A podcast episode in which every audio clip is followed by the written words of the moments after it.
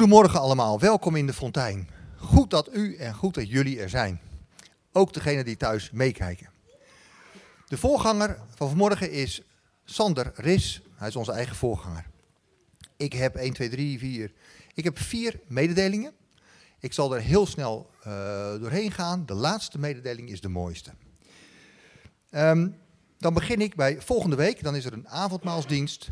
En die wordt verzorgd door Sjoerd Muller, onze oud-predikant. Dus volgende week avondmaalsdienst. Dan vorige week heeft Ella Lobrecht iets verteld over Taizé. En dat het mooi zou zijn om daar met een groep jongvolwassenen naartoe te gaan. Daar heb je nou de afgelopen week over na kunnen denken. Als je nu zegt, daar wil ik meer over weten. Dan kun je naar Ella toe gaan. Na afloop van de dienst, ze is in die ruimte in het restaurant bij de koffie. En dan kunnen jullie praten over het hoe en wat het concreet maken. Dan de collecte. Um, er is een diaconale collecte die is bestemd voor ex-gevangenen en ex-TBS'ers en hun familieleden. Die zijn natuurlijk heel vaak eenzaam. Uh, en daar wordt gecollecteerd, voor gecollecteerd door Kerk in Actie. Dat is de eerste collecte. En de tweede collecte is voor de wijkkas van de Fontein.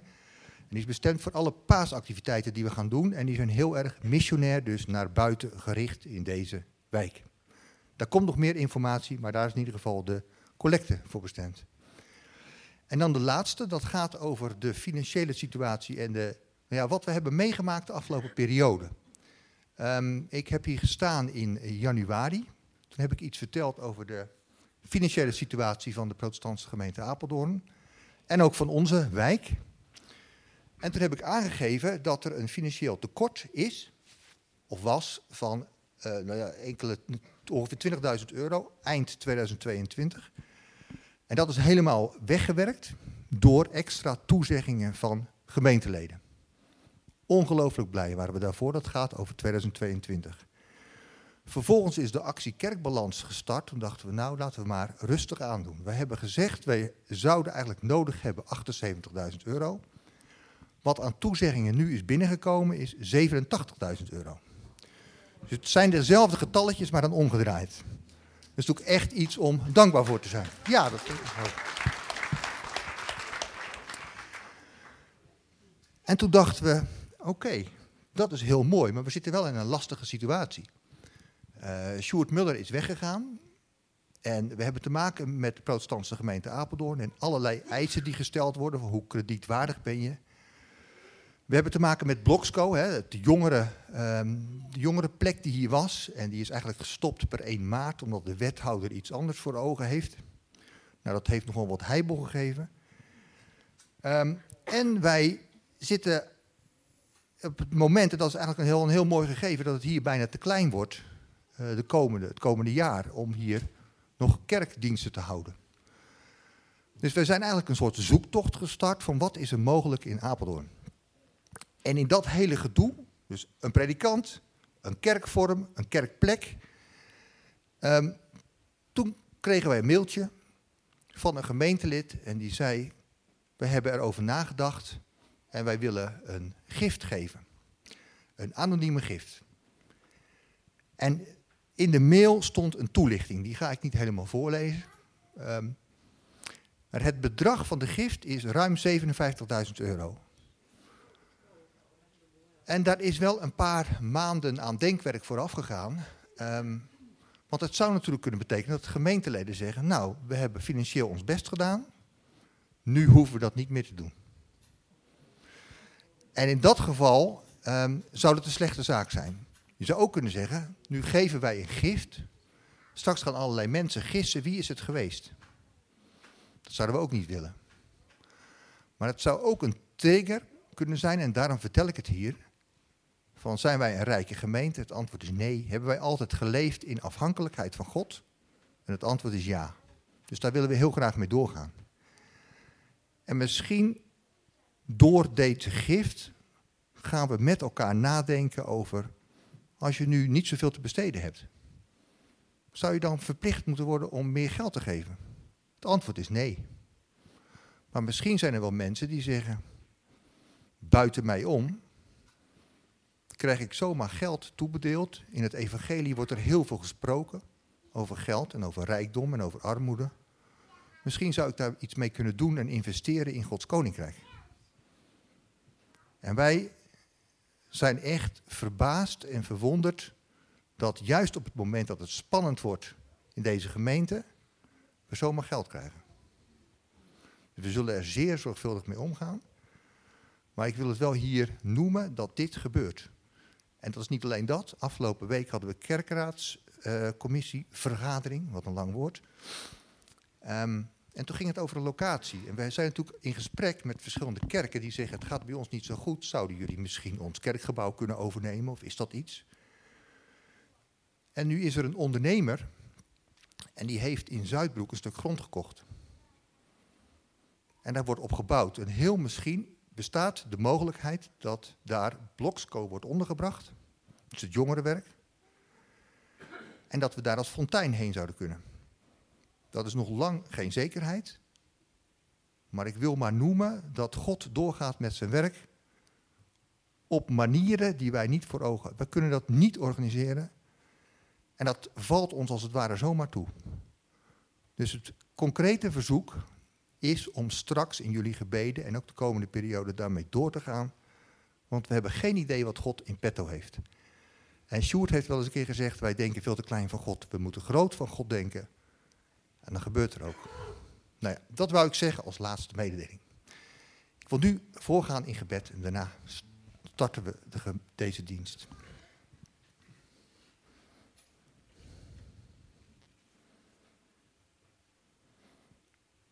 Grote God, wij loven u. We hebben het net gehoord in de mededelingen, maar we ervaren het iedere dag.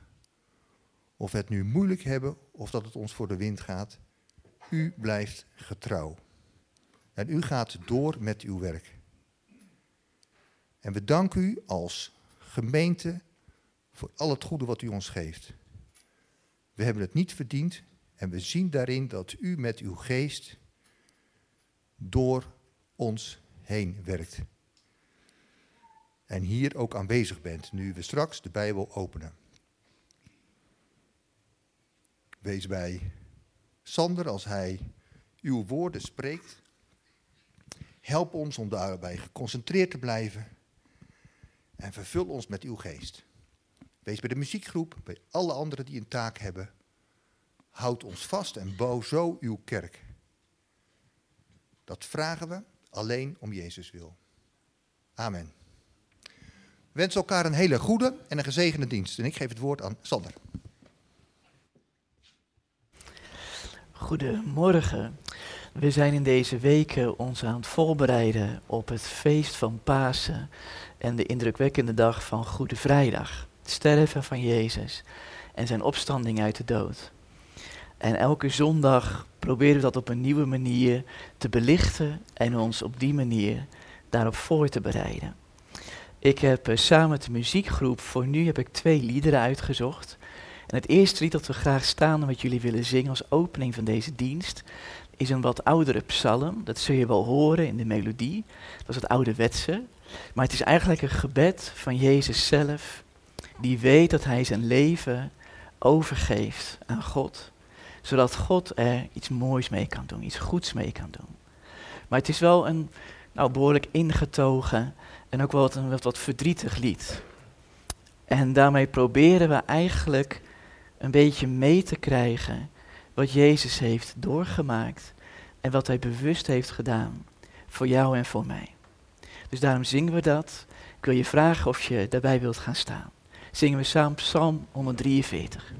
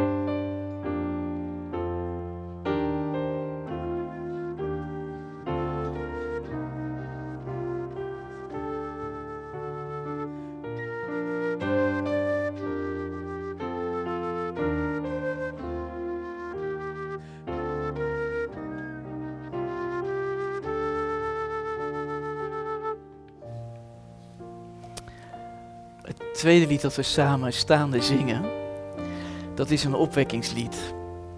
En het gaat erover dat de weg die Jezus gegaan, en waar we net over hebben gezongen, en misschien lijkt die weg van Jezus wel op de jouwe, als het gaat om het gevoel dat je wordt overweldigd door negatieve dingen. Maar we zingen ervan dat de weg die Jezus ging, door het sterven, dat God daar iets geweldigs mee heeft gedaan voor jou vandaag de dag. Dat Jezus erbij is wanneer je lijdt. En dat God in het lijden van Jezus en ook in jouw lijden echt iets wonderlijks, mysterieus moois doet. En daar zingen we nu over.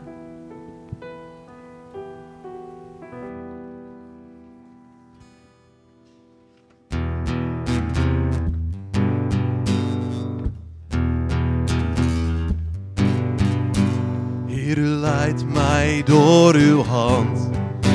Toon mij het beloofde land. Ook als pijn mijn hart verlamt. Uw liefde wint elke strijd. Is mijn angst als Jericho. Zijn de muren meters hoog. Is mijn hart verdord en droog. Uw liefde wint elke strijd. Mijn wapen, mijn veiligheid. U die reuzen verslaat en bergen verplaatst. U die ketens verbreekt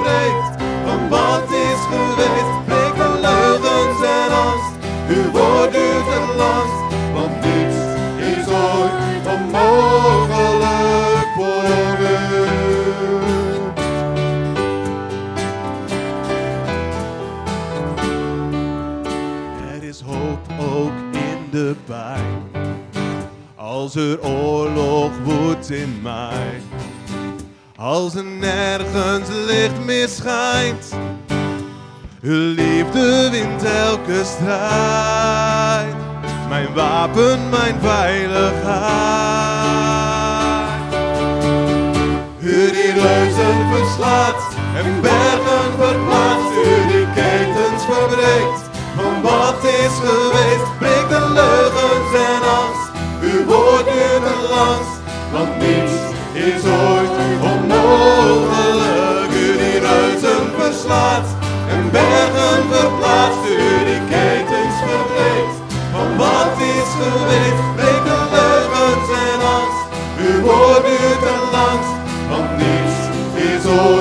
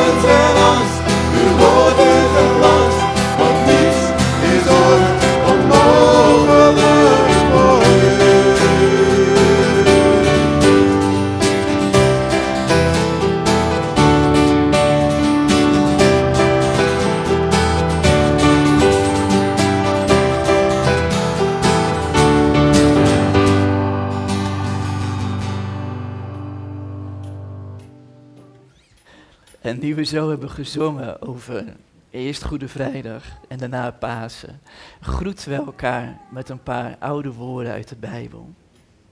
Je mag al je hulp verwachten van de Heer die de hemel en de aarde gemaakt heeft. Die trouw blijft tot een eeuwigheid en die nooit loslaat het werk dat Hij in jouw leven begonnen is.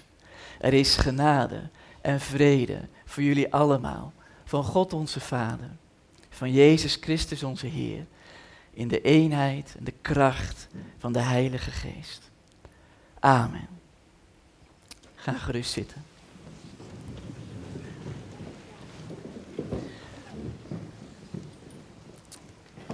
Als we samen de weg van Jezus volgen, is er dus eigenlijk ook een hoop dankbaarheid voor alles wat er mogelijk is gemaakt door hoe Hij stierf en hoe Hij opstond uit de dood.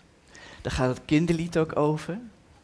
Dus we gaan eh, uit volle borst zingen over dat we Jezus bedanken voor alles wat Hij voor ons heeft gedaan.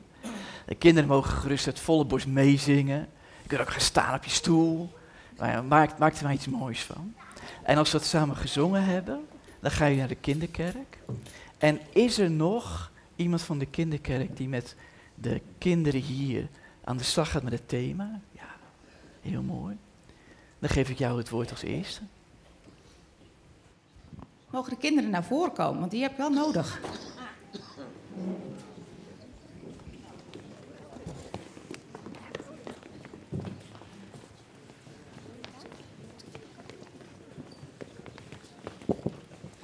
Kom er maar eens bij zitten.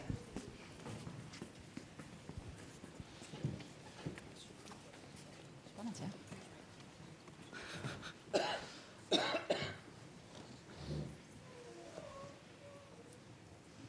Hé hey jongens, wat vinden jullie lekker ruiken? Want als ik ochtends bijvoorbeeld wakker word en dan ruik ik een croissantje in de oven, dan vind ik dat heerlijk. Of als het net geregend heeft buiten en je komt buiten en je ruikt het gras. Wat vind jij lekker als je, om te ruiken? Weet jij wat? Eh,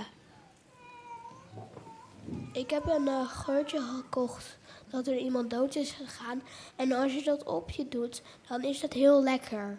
Ja, dat is iets wat dan herinnert, hè? Hey, wie heeft een goede neus? Ja? Hier, ruik maar eens even. Oh ja, nee, als je verkouden bent, dan ruik je niet zo goed, hè? Koffiebonen. Mmm, lekker? Nee? Thee? zijn vies. En deze. Probeer, probeer het eens. En dan heb ik er nog eentje. Hier zit er wel erg op in. Nee, dat niet.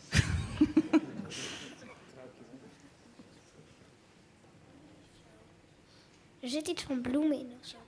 Heel goed. Ja. We gaan in dit verhaal ook een, eh, eh, luisteren naar een vrouw die Jezus eigenlijk ook eer bewees door een geurende olie te geven. En dan gaan we luisteren wat Jezus daarna ermee deed. En dan gaan we de derde raam gaan we openmaken. Wil jij het derde raam openmaken? Lukt dat?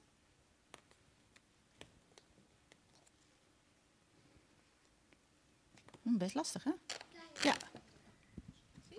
Kijk. lampje erachter, dan kan je het goed zien, van de vrouw die de voeten van Jezus wast. Nou, gaan we nu met z'n allen zingen.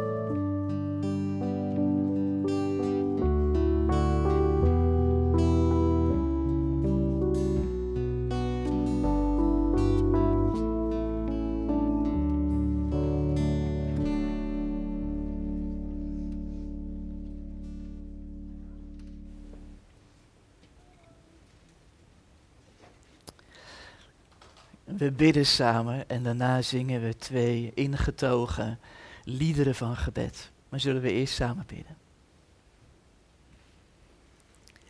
Heer Jezus, zoals de kinderen nu lezen van een vrouw die echt haar respect aan u toonde.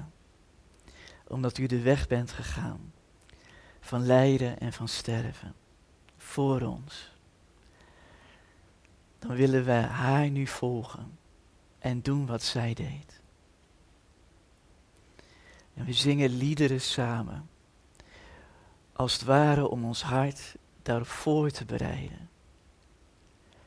Zodat we echt met u mee kunnen lopen. En kunnen zien, en kunnen voelen, kunnen meemaken. Wat uw kruisdood voor ons en voor mij betekent. Wanneer we zingen, vul ons dan met uw Heilige Geest.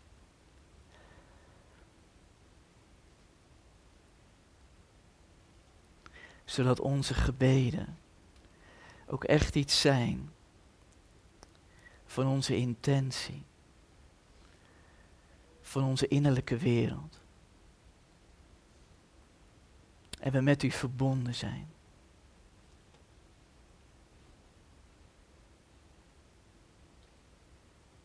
En we zingen dus samen liederen waarin we bidden dat God ons hart doorgrondt en kent. En we iets opnieuw vanmorgen meemaken van de enorme genade en liefde waarmee Jezus voor ons gestorven is. We zingen samen.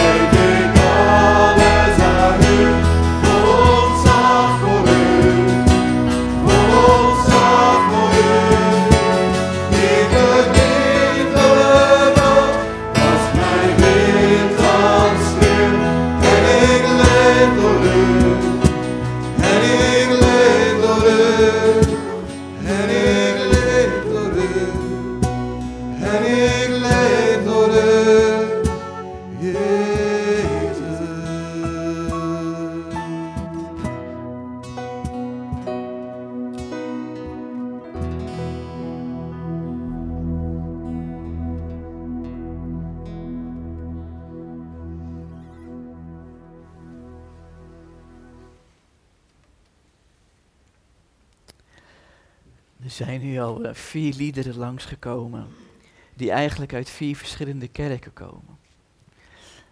Omdat we in deze lijdenstijd, waarin we Jezus volgen in zijn lijden, we als fontein ook bezig zijn met wat de kerken om, ons heen gebeurt. En Wim vertelde daar iets over tijdens de mededelingen. Het, het gaat soms ook helemaal niet goed met kerken. Eh, ook niet in Apeldoorn. En soms is dat financieel. Soms is dat omdat er steeds minder mensen komen. Of jongeren er totaal geen zin meer in hebben. Soms is het omdat een kerk als de onze gewoon hartstikke mooi gaat en bezig is. Maar er gebeuren toch ook allerlei dingetjes die pijnlijk kunnen zijn. Ook bij ons. En er is een eh, groep van senior predikanten die verbonden is aan onze gemeenschap. En die is daar vooral mee bezig geweest in de afgelopen weken. Misschien ken je ze, eh, Johan, Marius, eh, Jan, Venus en Jenny, een vrouwtje. En ze hebben samen gezocht met, als we nu bezig zijn met kruis en opstanding. Nou, hoe kunnen we dan ook bidden, niet alleen voor onszelf, maar ook voor de kerk om ons heen? Dat dat iets van wat Jezus heeft gedaan aan het kruis en hoe hij daarin ook zijn, zijn geest als het ware heeft achtergelaten aan ons. Hoe, hoe zou dat nu werken? En als we samen bidden, zoals toen net met die biddende liederen, hoe zou het dan zijn als we ook samen gaan bidden voor de kerk om ons heen? En ik heb gevraagd aan Jan om daar iets over te vertellen, hoe deze senior predikanten eh, met hun echtgenoten daarmee bezig zijn. En Jan zei van, nou, ik wil zeker graag iets vertellen. En hij zei, dan wil ik vooral iets vertellen over hoe het gebed van mensen zoals jij en ik echt kerken kan veranderen te goede, kan vernieuwen, kan helen en kan herleven. Gewoon simpele gebedsliederen zoals we die toen net zongen. Of misschien ook als je in gebed deze week bezig bent om je voor te bereiden op Pasen. Die, hebben echt een uitwerking. Niet alleen op jouw leven, maar ook op de levens om je heen. Dus Jan, ik wil je vragen om daar meer over te vertellen hoe dat gaat. Over het gebed van gewone gelovigen en de uitwerking daarvan op kerken. Goedemorgen. Wim Burggraaf heeft vandaag een hele mooie mededeling gedaan, maar 15 januari na afloop van de dienst heeft hij ook een mededeling gedaan. En daar zijn we toen van geschrokken. Omdat het in zeven van de negen wijkgemeenten van de protestantse gemeente Apeldoorn niet goed gaat als je kijkt naar toekomstperspectieven. Daar zijn we mee bezig geweest. De dag na die mededeling van Wim belde Marius Noorloos mij op om overleg te plegen. Sinds 2019 spreken wij wel herhaaldelijk met elkaar over het onderwerp de leiding van de Heilige Geest. En hij heeft daar een boekje over geschreven, De Geest wijst de weg. Als de Geest nou de weg gaat wijzen in Apeldoorn, hoe ziet dat er dan uit? Ook naar aanleiding van die mededeling van Wim. En we kwamen samen tot de conclusie dat het nodig is dat er meer gebeden gaat worden. En dat er doelgericht gebeden gaat worden. In Romeinen 8 staat dat wij de geest ontvangen hebben. De geest die ons tot dochters en zonen van God maakt. Dat is de geest van adoptie. De geest van het zoonschap staat er in onze vertaling. Ik las in een Engelse vertaling de spirit of adoption. Marius had dat woord adopteren al langer. En we kwamen samen tot de conclusie, wij zullen in de gebeden die zeven wijkgemeenten die het moeilijk hebben, hebben te adopteren in de gebeden. Wat zou er dan wel los kunnen komen? Vanmorgen zei de vroegere minister-president Jan-Peter Balkenende voor de uitzending van, eh, hoe heet het ook alweer? Hour of Power. Hij zei, Dr. Schuller zei ooit, als een idee van God komt, zijn de mogelijkheden oneindig. Wij dachten, laten we onze collega predikanten uit de fontein samenroepen voor een soort adoptieberaad. En we kwamen met de collega's dus tot de overeenstemming dat het goed is om een soort gebedsbeweging op gang te brengen. Vanuit de fontein. We weten dat er een stadsgebed is hier in Apeldoorn. Goed dat dat er is. Maar laten wij ook specifiek gaan bidden voor die verschillende gemeenten. Ik heb in dat overleg naar voren gebracht twee voorbeelden van wat er kan gebeuren als er zo gebeden gaat worden. Een voorbeeld uit de 19e eeuw en een voorbeeld uit de recente geschiedenis. Ik ben opgegroeid in Goes. En in 1860 was de hervormde gemeente in Goes niet florerend. Er waren drie predikanten van de moderne richting. De inkomsten en het kerkbezoek gingen drastisch achteruit. Er overleed januari 1860 een van de predikanten. En het was de gewoonte om dan weer een vrijzinnig predikant te beroepen. Maar wat gebeurde er? Er was in Goes een vrije evangelische gemeente. Met een voorganger, dominee Budding. Volgens de Zeeuwse encyclopedie is hij de meest invloedrijke predikant in Zeeland geweest in de 19e eeuw. Hoe dan ook, die dominee Budding zei tegen zijn gemeente: De hervormde kerk in Goes zit in de problemen. Laten wij zondag in, zondag uit gaan bidden dat het evangelie weer in zijn rijkdom naar voren gaat komen in de grote kerk. En zo werd er elke zondag, anderhalf jaar lang, gebeden. Maar de gemeente had allerlei onderafdelingen en die namen dat over. Na anderhalf jaar werd er tegen de verwachtingen in een predikant beroepen. Een studievriend, goede vriend van dominee Andrew Murray, een internationaal bekende predikant in de richting van de opwekking. En die dominee, dominee Drost, heeft zijn herinneringen uitgegeven en hij zegt, de evangelieprediking is in de hervormde kerk van Goes hersteld door het aanhoudend gebed van de vrije evangelische gemeente daar. Dominee Budding zei toen die predikant gekomen was, geweldig dat God ons gebed verhoord heeft. Maar er is hier in Goes ook een christelijk afgescheiden gemeente en het evangelie wordt daar wat beperkt gebracht vanwege dogmatische vooringenomenheid. Laten we gaan bidden dat het rijke evangelie daar verkondigd wordt.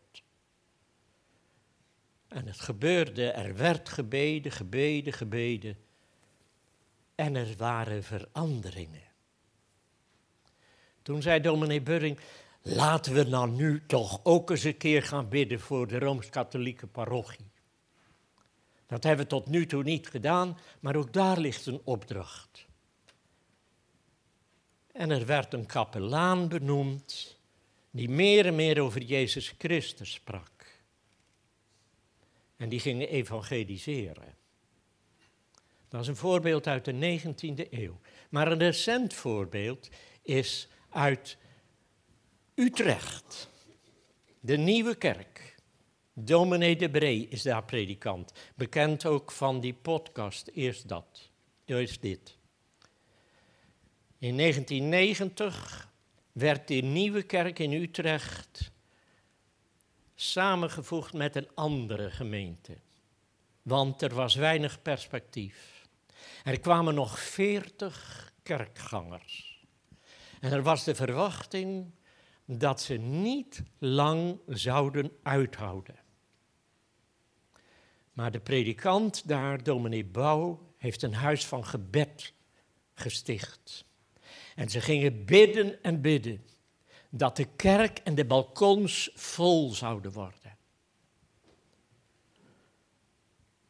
In, tweede, in, 19, in na tien jaar, nee, in 2010 werd die fusie ongedaan gemaakt. Want de gemeente, de nieuwe kerk, kon op eigen benen verder. Er was een aanhoudend gebed. Een paar jaar geleden had die gemeente 1600 leden, waarvan 600 actief. Dat zijn mogelijkheden bij God.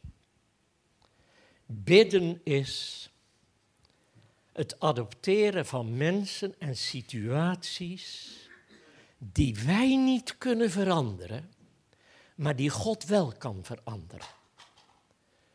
En daarom zeiden wij als collega's, we moeten een gebedsbeweging op gang brengen.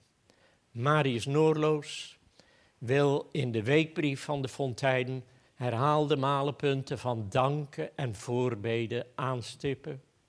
Maar ik roep u op om dit te gaan bidden. U bidt voor de fontein, prachtig.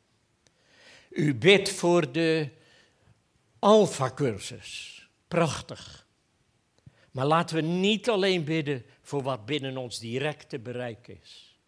Laten we bidden voor die hele grote gemeente in al zijn geledingen. Er zijn kerken in Apeldoorn die bloeien, die groeien. Waarom zou het niet mogelijk zijn dat God dingen verandert? Wij zongen, Heilige Geest, schenk een herleving en begin bij mij. Zullen we dat oppakken? In Openbaring 2 en 3 zijn zeven gemeenten aangeschreven en aan het eind daarvan wordt steeds gezegd, wie een oor heeft die horen wat de geest tot de gemeenten zegt. Zegt de gemeente ons wat vandaag? Zegt de geest ons wat vandaag? Het is tijd om te bidden. Ik nodig u ertoe uit.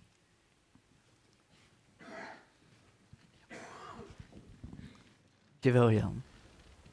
En ik vroeg ook natuurlijk aan mijn collega's welke liederen zij mooi vonden om te zingen. Dat was onder andere het lied wat we juist zongen. Maar er was nog een lied op hun hart en dat is lied 686. Maar ik denk dat de meeste van jullie het zullen kennen als het lied van wat de geest allemaal nieuw kan maken. Het is een lied uit het nieuwe liedboek en we zingen het samen als een gebed.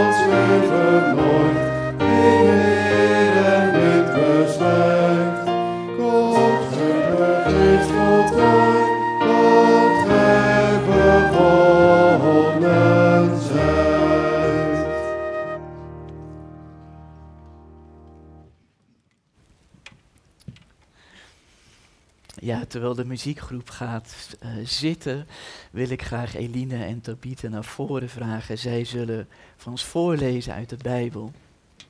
En het zijn twee gedeelten die gaan over Jezus zelf. Hoe hij bidt op de laatste avond van zijn leven in de tuin van Gethsemane. En het tweede gedeelte dat Tabitha voorleest, is het gedeelte wat Jan al aanhaalde uit Romeinen 8. Hoe wij bidden tot onze Vader God in het heden. Dus zullen we samen luisteren naar woorden van God aan ons.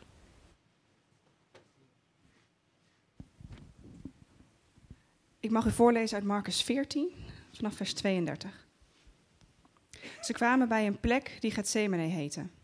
En hij zei tegen zijn leerlingen, blijven jullie hier zitten, terwijl ik ga bidden? Hij nam Petrus, Jacobus en Johannes met zich mee. Hij voelde zich onrustig en angstig worden en zei tegen hen, ik voel me dodelijk bedroefd, blijf hier waken. Hij liep nog een stukje verder, liet zich toen op de grond vallen en bad dat dit uur zo mogelijk aan hem voorbij mocht gaan. Hij zei, Abba, Vader, voor u is alles mogelijk. Neem deze beker van mij weg. Maar laat niet gebeuren wat ik wil, maar wat u wilt. Hij liep terug en hij zag dat zijn leerlingen lagen te slapen. Hij zei tegen Petrus: Simon, slaap je? Kon je niet één uur waken? Blijf wakker en bid dat jullie niet in beproeving komen. De geest is wel gewillig, maar het lichaam is zwak. Weer ging hij weg om te bidden, met dezelfde woorden als daarvoor. Toen hij weer terugkwam, lagen ze opnieuw te slapen, want hun ogen vielen steeds dicht en ze wisten niet wat ze moesten antwoorden. Toen hij voor de derde maal terugkwam, zei hij tegen hen: Liggen jullie daar nog steeds te slapen en te rusten? Het is zover. Het ogenblik is gekomen waarop de mensenzoon wordt uitgeleverd aan de zondaars. Sta op, laten we gaan. Kijk, hij die me uitlevert is al vlakbij.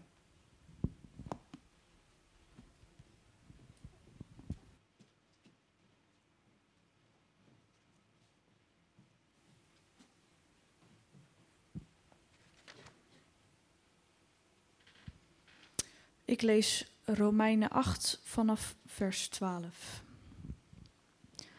Broeders en zusters, we hoeven ons niet langer te laten leiden door onze eigen wil. Als u dat wel doet, zult u zeker sterven. Als u echter uw zondige wil doodt door de geest, zult u leven.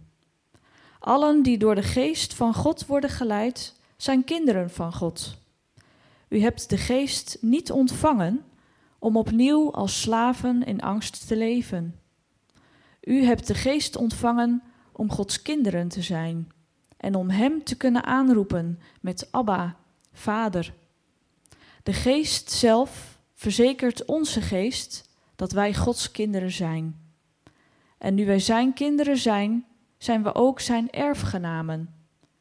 Erfgenamen van God. Samen met Christus zijn wij erfgenamen wij moeten delen in zijn lijden om met hem te kunnen delen in Gods luister. Tot zover de schriftlezingen.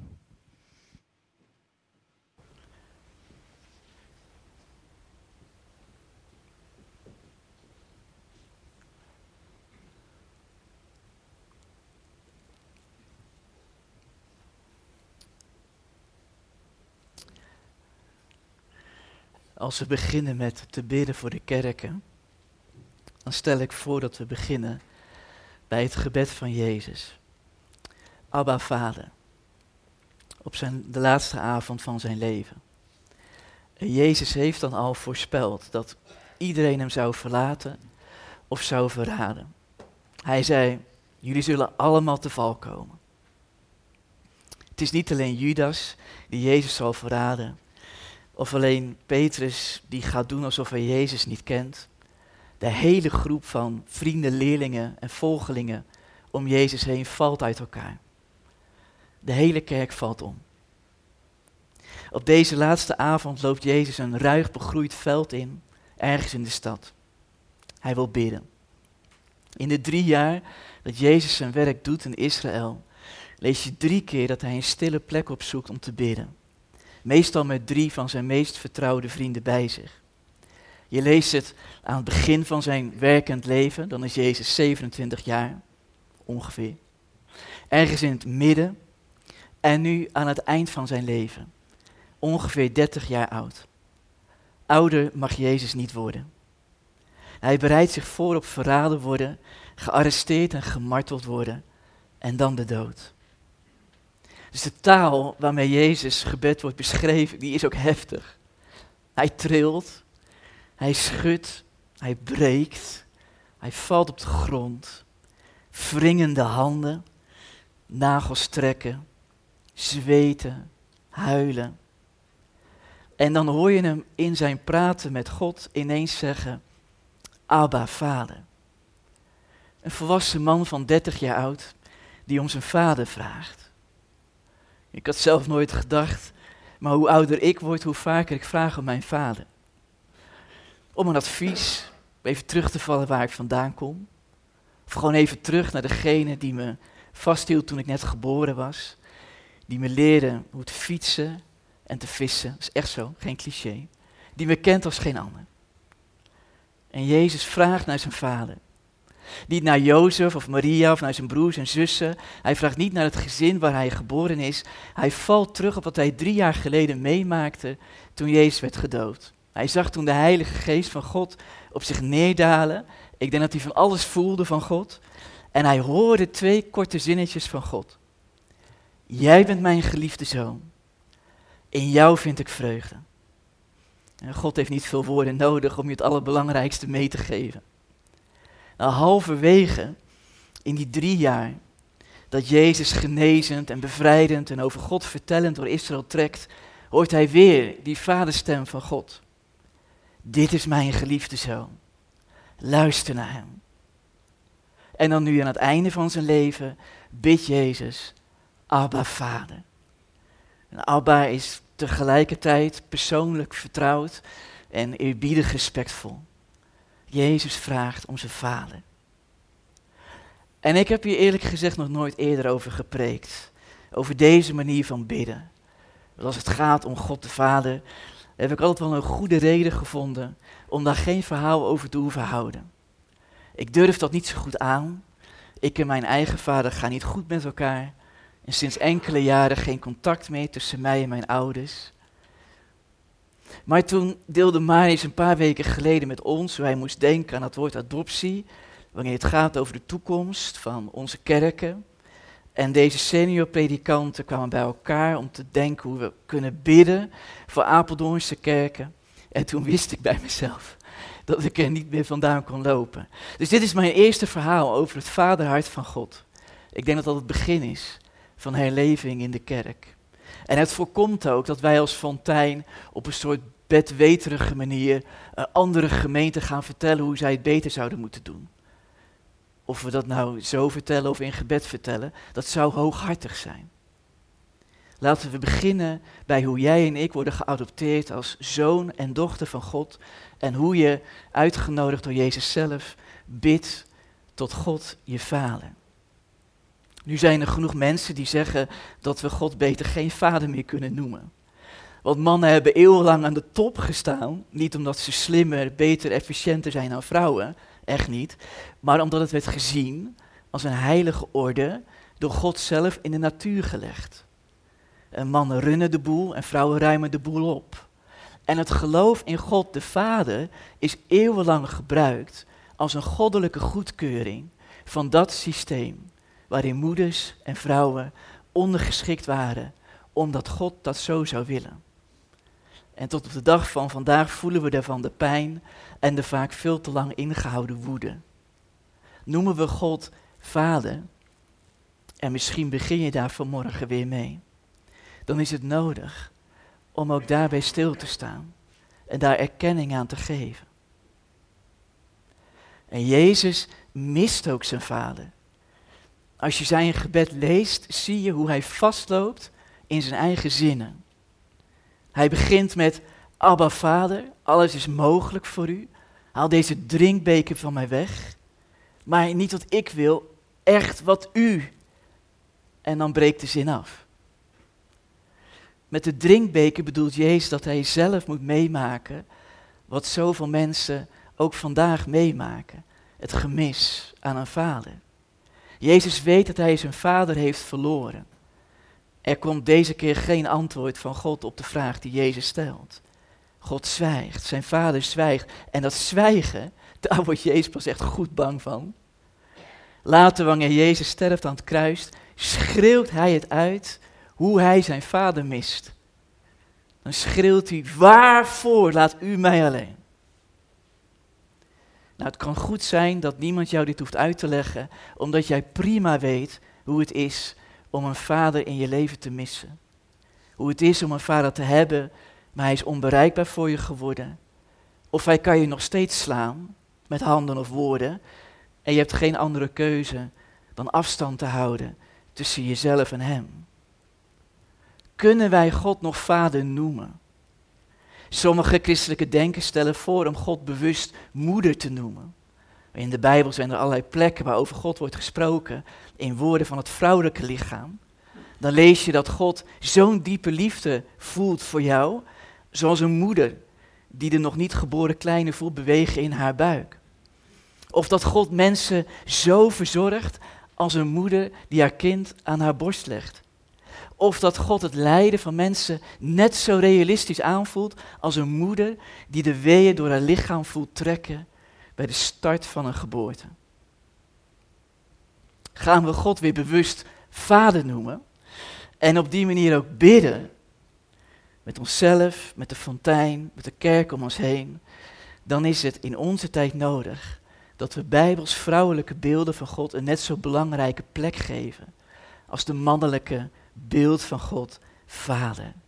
Zodat we voorkomen dat Gods vaderhart niet opnieuw mannelijke dominantie en vaderlijk geweld goed praat. Maar goed, de kerk is op dit gebied ongeveer net zo langzaam van begrip als de gemiddelde man die probeert te begrijpen wat zijn vrouw bedoelt. Maar laten het proberen als we gaan bidden om Abba, Vader.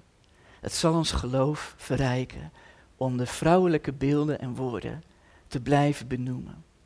Tegelijkertijd klinkt de vaderlijke stem van God nog steeds. Jij bent mijn geliefde zoon, mijn geliefde dochter. Je geeft me vreugde. Een tijdje terug bood ik een vrouw in onze kerk aan of we voor haar mochten bidden. En dat vond ze goed. We baden samen met haar, niet in de sfeer van God wilt je haar helpen, wat prima is, maar meer in de sfeer van God, hoe bent u bij haar? En wat zegt u nu tegen haar? Ze heeft haar verhaal kort opgeschreven voor jullie en het klinkt zo. Mijn eigen vader kon afstandelijk en koud zijn, kritisch en hooghartig. Ik voelde me vaak niet geliefd en gewenst, gesteund en geborgen. En dat zat me in de weg als ik hoorde vertellen over God de Vader. En soms nog als ik het in de Bijbel lees of tijdens het zingen van een lied. Maar door samen met elkaar te luisteren, heb ik ontdekt dat er andere woorden zijn die God mij geeft. Bijvoorbeeld het woord schepper vind ik een fijne benaming voor God. Dat Hij de schepper is van hemel en aarde, van alles wat zichtbaar, onzichtbaar is. Het geeft dat ik me veilig en geborgen voel bij Hem. Hij heeft mij gemaakt en gewild. Hij is zelfs naar me toegekomen om me te redden.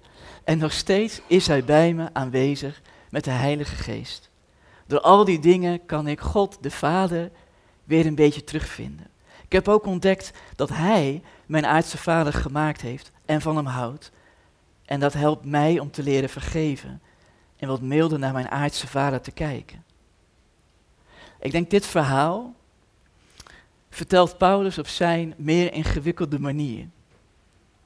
Paulus schrijft, en ik denk dat hij daarmee precies hetzelfde bedoelt. Jullie hebben de geest niet ontvangen om opnieuw als slaaf in angst te leven. Nee, jullie hebben de geest ontvangen van adoptie tot zonen en dochters van God. En Paulus is een van de eerste mensen die Jezus leert kennen en door Jezus het vaderhart van God. En hij beschrijft God leren kennen als vader als het proces van een adoptie. Ik maakte zo'n proces mee van dichtbij toen ik vijf jaar geleden betrokken raakte bij een doodzieke man van 42 jaar. Ik was toen uh, 37, hij 42. Hij had kanker, was uitbehandeld en hij bereidde zich voor op de dood. En in zijn laatste maanden vroeg hij mij om hem te begeleiden. Er groeide daar een kleine kostbare vriendschap uit. Het begon met zijn vraag aan mij. Hij zei, Sander, help me om een brief te schrijven aan mijn vader die ik in geen jaren heb gezien. En hij citeerde korte stukjes verspreid over twee weken en ik schreef daaruit die brief op. Ik ken die zinnen bijna nog uit mijn hoofd. Lieve pa, schreef hij, je denkt dat je de boeman bent, maar je bent niet de boeman, je bent mijn vader.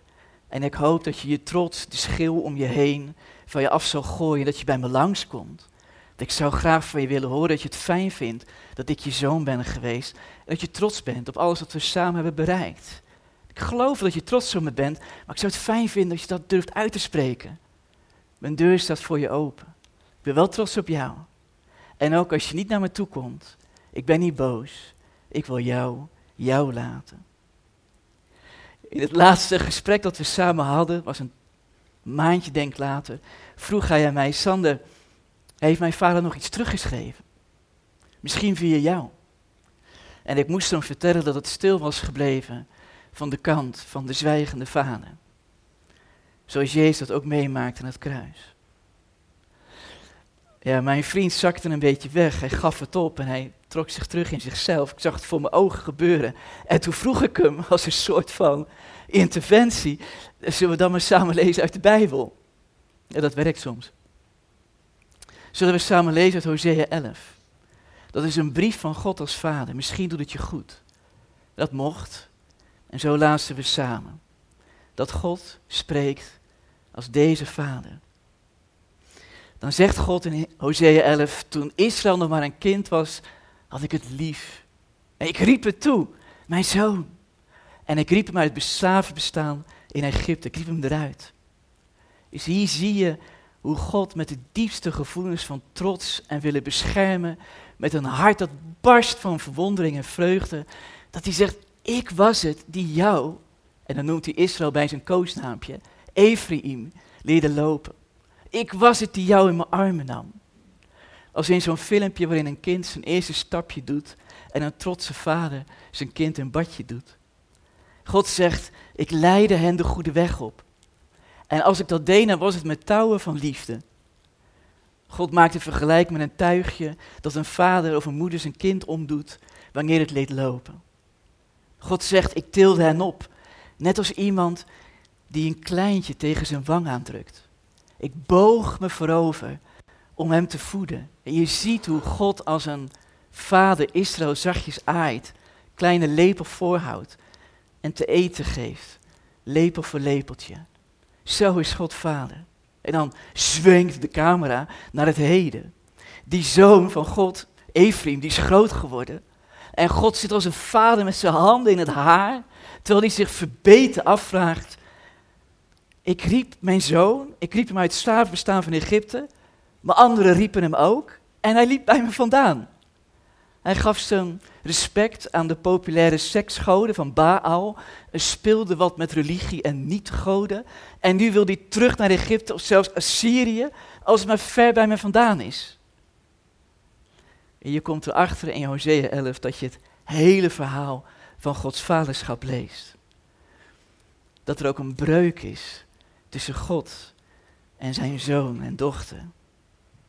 En dat Gods vaderhart daarvan breekt wanneer hij ziet hoe hij de intimiteit en vriendschap met zoon en dochter verliest. En dan een derde, laatste scène. Dat je een inkijkje geeft recht in het vaderhart van God, waar allerlei gevoelens met elkaar in gevecht zijn. En God als een overemotionele vader, wiens hart uit zijn borstkast wordt gerukt, omdat zijn vaderschap mislukt. Lees maar mee. Dan zegt hij, hoe kan ik je opgeven, Ephraim? Mijn hart zal zich in me omdraaien. Mijn gevoelens roeren zich. Hier is een vader die weet hoeveel het kost om van iemand onvoorwaardelijk te blijven houden. En God zegt, ik laat mijn woede varen, ik laat je niet gaan, Ephraim, want God ben ik, geen mens. Zo las ik voor. En na een stilte zei mijn doodzieke vriend, dank je. Ik denk dat dit de brief is waar ik de afgelopen maand op heb gewacht. En Hosea 11 is misschien wel de brief die zoveel vaders aan hun zonen en dochters zouden willen schrijven, maar het lukt niet. En het is misschien ook wel de brief waar jij op wacht op dit moment.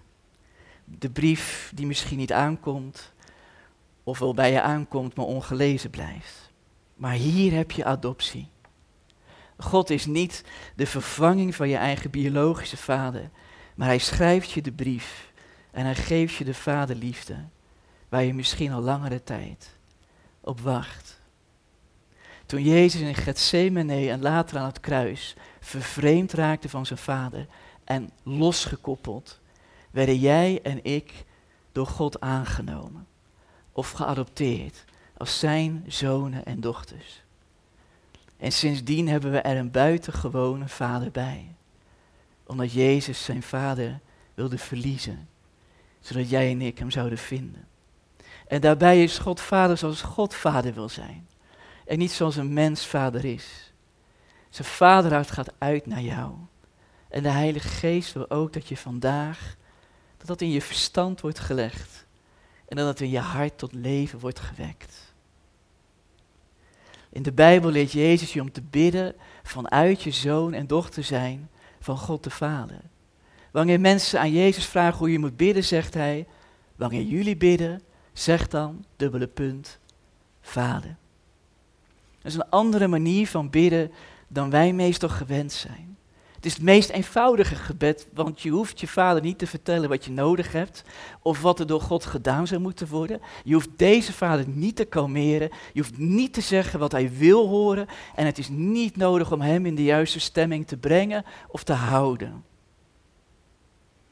Toen we in een vorige dienst samen luisterden naar God en ik vroeg je om op te schrijven wat er bij je gebeurde, schreef iemand dit op. God, ik houd van u. Vergeving, aandacht, stilte. Samen met Jezus praten en met God, je Vader, is meestal een beetje fluisteren. Kijken wat er bij je gebeurt, wat je beleeft, denkt en voelt. En stilte. Stilte waarin je iets van Gods stem kan voelen of kan horen. Jij bent mijn geliefde zoon en dochter. En ook al heb je de neiging om telkens ver bij mij vandaan te blijven. Mijn hart breekt in stukken en scherven, maar ik heb je lief. En ik neem je telkens opnieuw aan als mijn zoon en dochter. Of zoals Paulus het schrijft op zijn heerlijke, ingewikkelde manier. Door de geest roepen we, Abba Vader. De geest raakt onze geest aan en bevestigt dat we kinderen van God zijn gaan wij als fontein andere gemeenten vertellen hoe ze zouden moeten worden, biddend? Gaan wij met elkaar andere wijkgemeenten adopteren en redden? Of beginnen we vandaag met het gebed waar opwekking mee begint en waar herleving van de kerken mee begint? Het gebed tussen jou en je buitengewone vader. En de brief die voor je klaar ligt, die je misschien mist, of die je misschien nooit gaat krijgen. Of misschien de brief van God de Vader, die de negatieve brief die jouw vader aan jou heeft achtergelaten, herschrijft. Als wij daartoe bereid zijn, als fontein, en jij persoonlijk, dan begint er herleving in ons. En dan zullen we bidden voor de Apeldoornse kerken. En het zal een gebed zijn. Wat ons weer samenbrengt met God. En wat andere mensen helpt. Om iets te ervaren van Gods vaderstem in hun leven. We bidden samen met een lied als muziekteam naar voren wil komen. Het is een lied waarin we het uitroepen naar God. Leer het mij maar weer. U, mijn buitengewone vader te noemen. En ik hoop dat als we het lied zingen, dat het ook iets bij je herstelt als vader nou niet bepaald de meest vrolijke klank in je leven is. Ik hoop dat het je weer uitdaagt wanneer jouw vader een prima kerel is, maar je nooit op die manier met God bent omgegaan. Ik hoop dat het lied iets bij je laat proeven en laat meemaken. Dat er een vader is, buitengewoon, die op je wacht en die om je vraagt. En die dwars door alle scherven is gegaan om jou opnieuw te bereiken. We zingen samen. En misschien, als het helpt, kun je daar gerust bij gaan staan.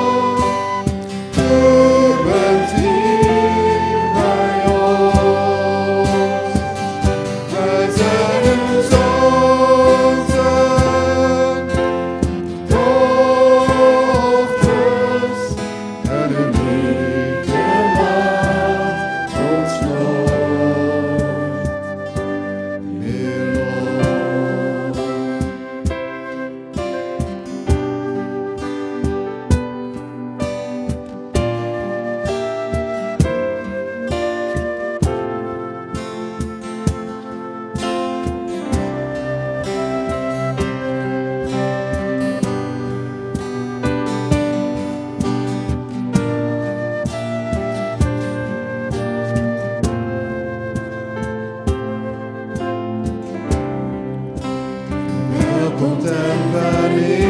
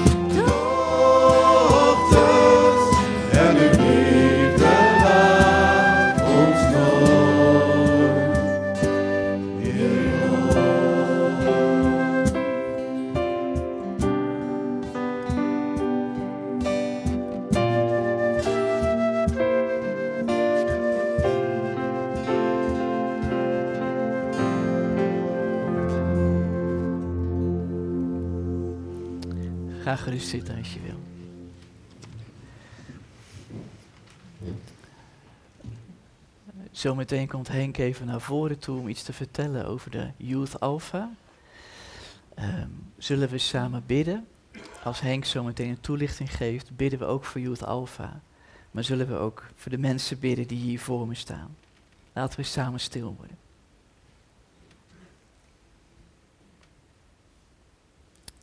Heer onze God,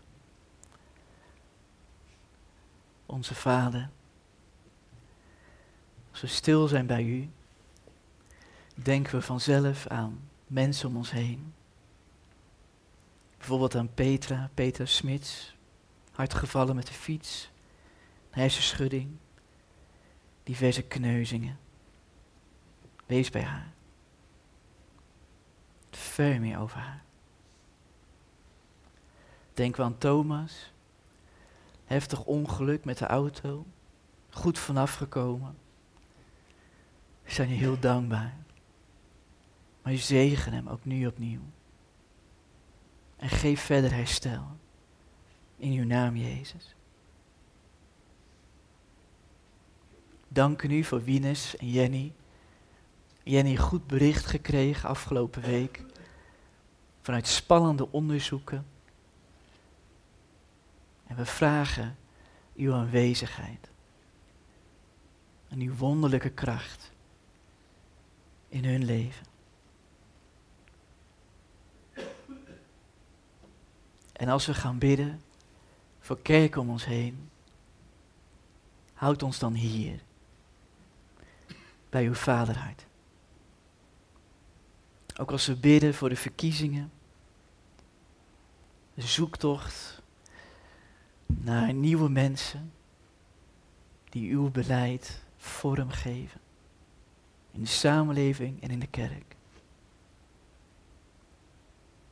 We vragen het aan u. Dank u wel voor alles. In Jezus' naam. Amen.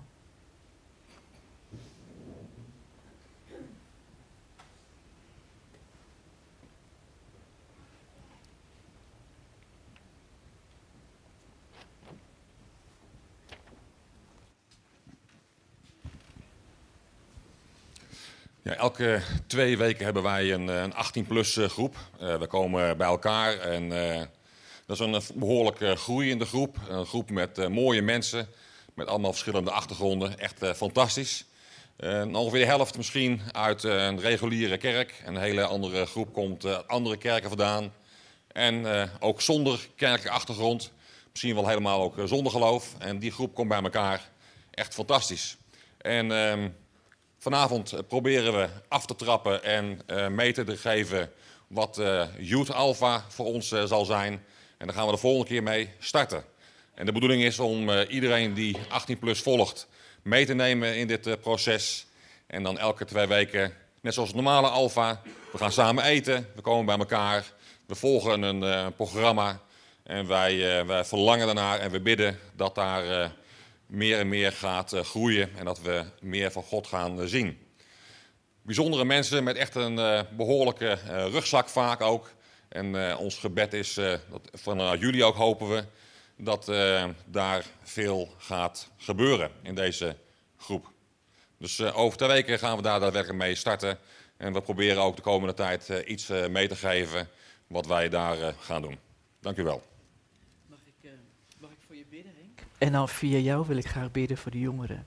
En voor Eline, die ook medeleiding geeft. Voor iedereen om jullie heen. Zullen we ze samen zegenen? Henk, we zegenen jou. We zegenen Eline.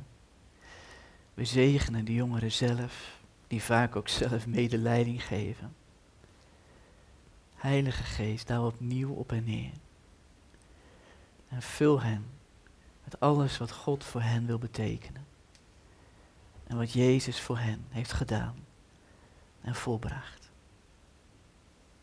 Als we aan de jongeren denken, denken we ook aan sportfreaks. Waar Jelle en de zijnen volop mee bezig zijn. Zegen hen. Vul het met de kracht van uw geest. En afsluitend denken we dan ook aan de TZ-reis. Waar Ellen mee bezig is. En jongeren zullen meemaken. Uw geest in allerlei landen bezig is allerlei jongeren. Zegen het. Dank u wel voor alles. Amen. We collecteren samen, zingen daarna staan ons slotlied. En daarna is er koffie en thee en gebed voor als je wil. Dus zullen we samen onze gaven inzamelen, staande zingen en elkaar ontmoeten bij koffie en thee.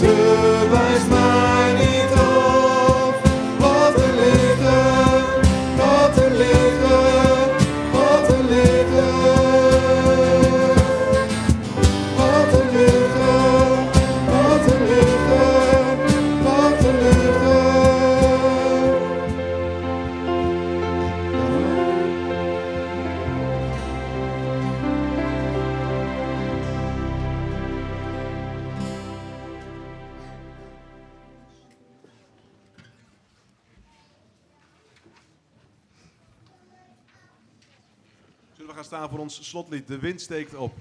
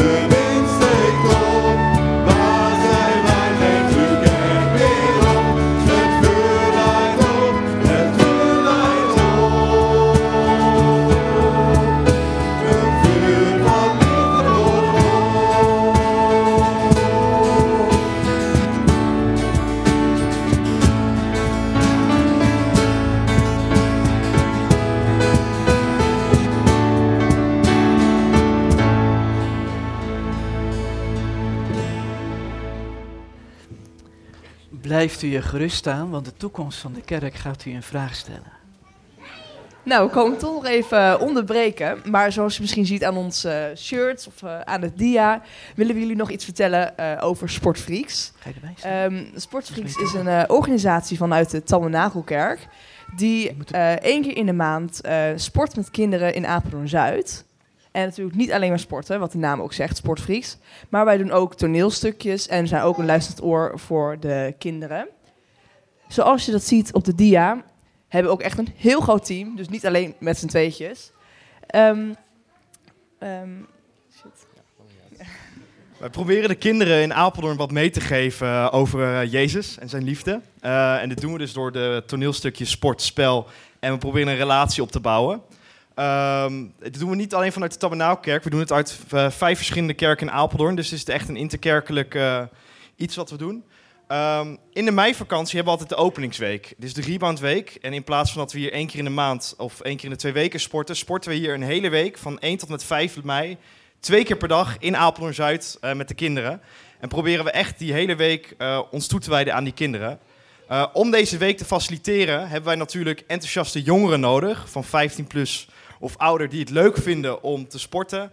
Of om met kinderen te spreken of hun iets over hun geloof te vertellen. Daarnaast hebben wij ook eh, volwassenen nodig die ons faciliteren met bijvoorbeeld boodschappen of eventuele andere zaken. Ehm, en daarbij hebben we natuurlijk ook gebed nodig, waar de hele dienst eigenlijk veel over wordt verteld. We hebben ook een gebedsapp. Ehm, eigenlijk de vraag hier, als jullie jongeren weten, eh, of jullie ze willen aansporen om met ons mee te doen. Of als jullie hier zitten en denken, nou, ik wil de jongeren wel ondersteunen met het toffe werk wat ze doen. Ehm, spreek ons dan aan. We hebben nog twee tot drie mensen nodig voor de Reboundweek eh, van, aan volwassenen die ons sowieso komen ondersteunen. Anders wordt het heel erg lastig om deze week door te laten gaan. Dus ik wil jullie vragen om ons daarin te ondersteunen en eh, voor ons te bidden. Dank jullie wel en nog een hele fijne zondag. Dan hebben we ook nog eventjes korte mededeling. Ehm, goedemorgen. Er zijn er nog vijf in de hal daar. Sorry. Eh, volgende week zondag 19 maart is er weer een uh, jeugd worship night. Georganiseerd door de jeugd. Eh, deze, de deuren gaan open om 7 uur. En dan kan nog even lekker wat drinken en wat eten. En ehm, om half acht beginnen we echt. Dat is ook de mooie flyer. Eh, we hebben alvast een hele leuke band hebben we klaarstaan. En eh, Julia Herku komt voor ons eh, preken. En eh, ja, we hebben er heel veel zin in. Hoop jullie daar te zien.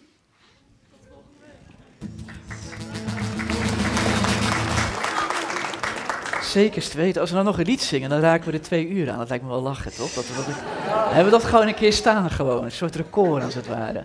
Lieve mensen, wees gezegend met de zegen van de Allerhoogste. De liefde van God de Vader, de genade van onze Heer Jezus Christus, de innige nabijheid, wijsheid en kracht van de Heilige Geest is en blijven met jullie allemaal. Amen.